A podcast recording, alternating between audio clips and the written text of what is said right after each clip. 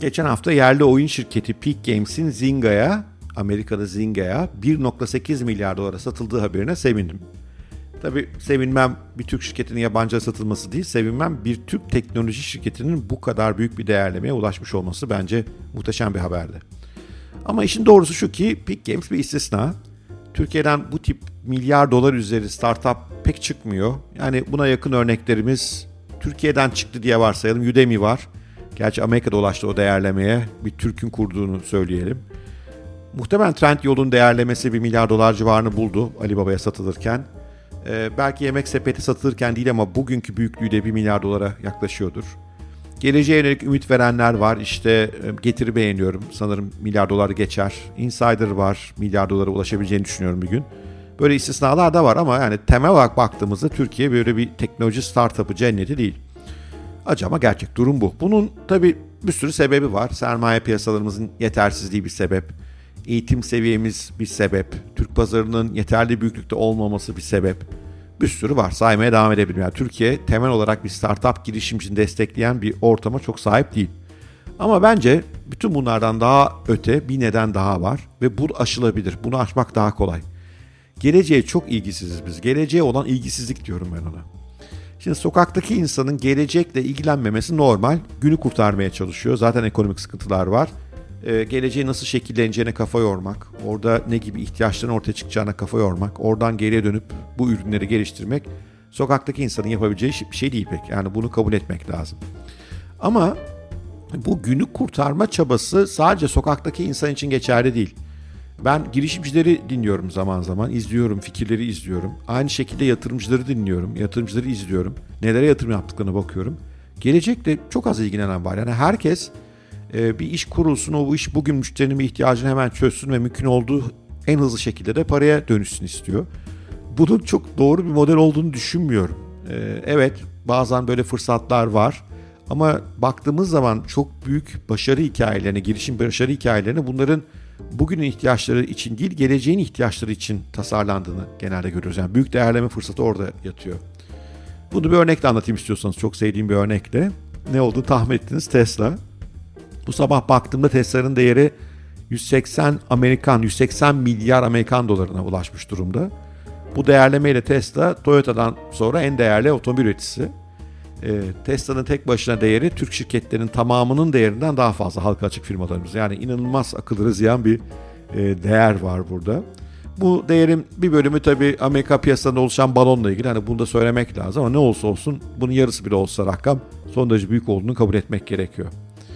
Peki sadece 10 yıldır aşağı yukarı ortalıkta olan Tesla bu kadar büyük değere nasıl ulaştı? Ee, diğer otomobil firmalarının yapamadığı neyi yaptı?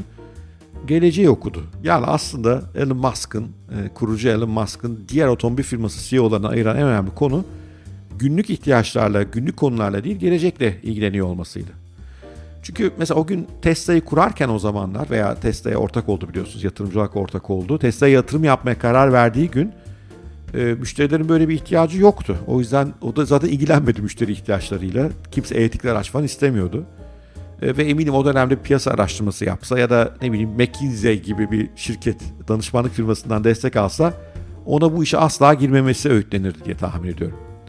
Artı o günlerin teknolojisi de pek bu işe uygun değildi. Pil teknolojileri son derece ilkeldi, yüksek maliyetlilerdi. Araçları yeterli menzil sağlayamıyorlardı, ağır ve hantallardı. Yani öyle bir teknoloji de yoktu ortada.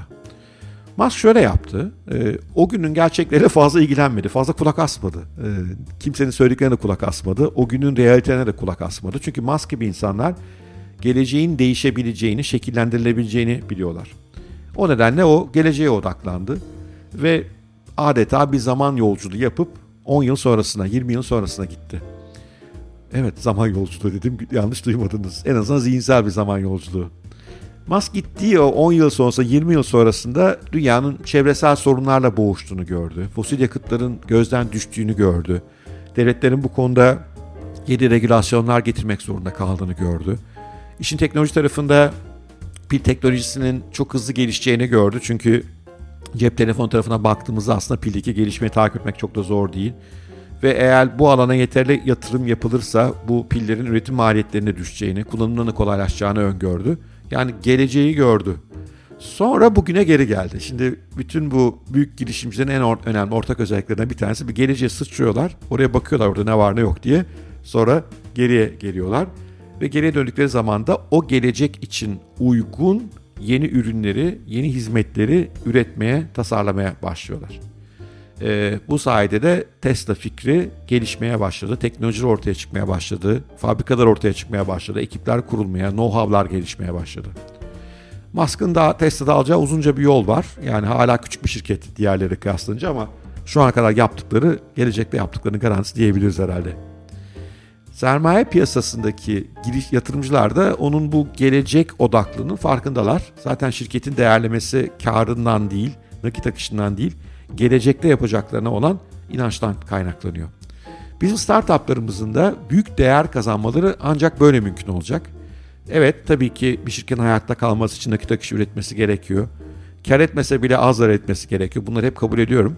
Ama aslında büyük değerin oluşacağı yer şirketin gelecek dünyaya nasıl hazırlandığı ve rakipler uyurken o gelecekten pay almak için hangi hazırlıkları yaptığı daha önemli.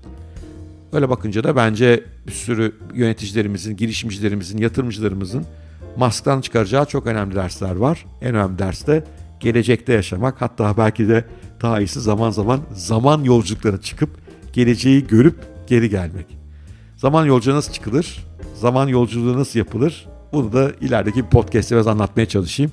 Ama hiç unutmayın eğer çok başarılı bir girişim yapmak istiyorsanız veya bir girişime yatırım yapmak istiyorsanız biraz zaman yolcusu olmanız ve geleceğin nasıl şekilleneceğini kavramanız lazım.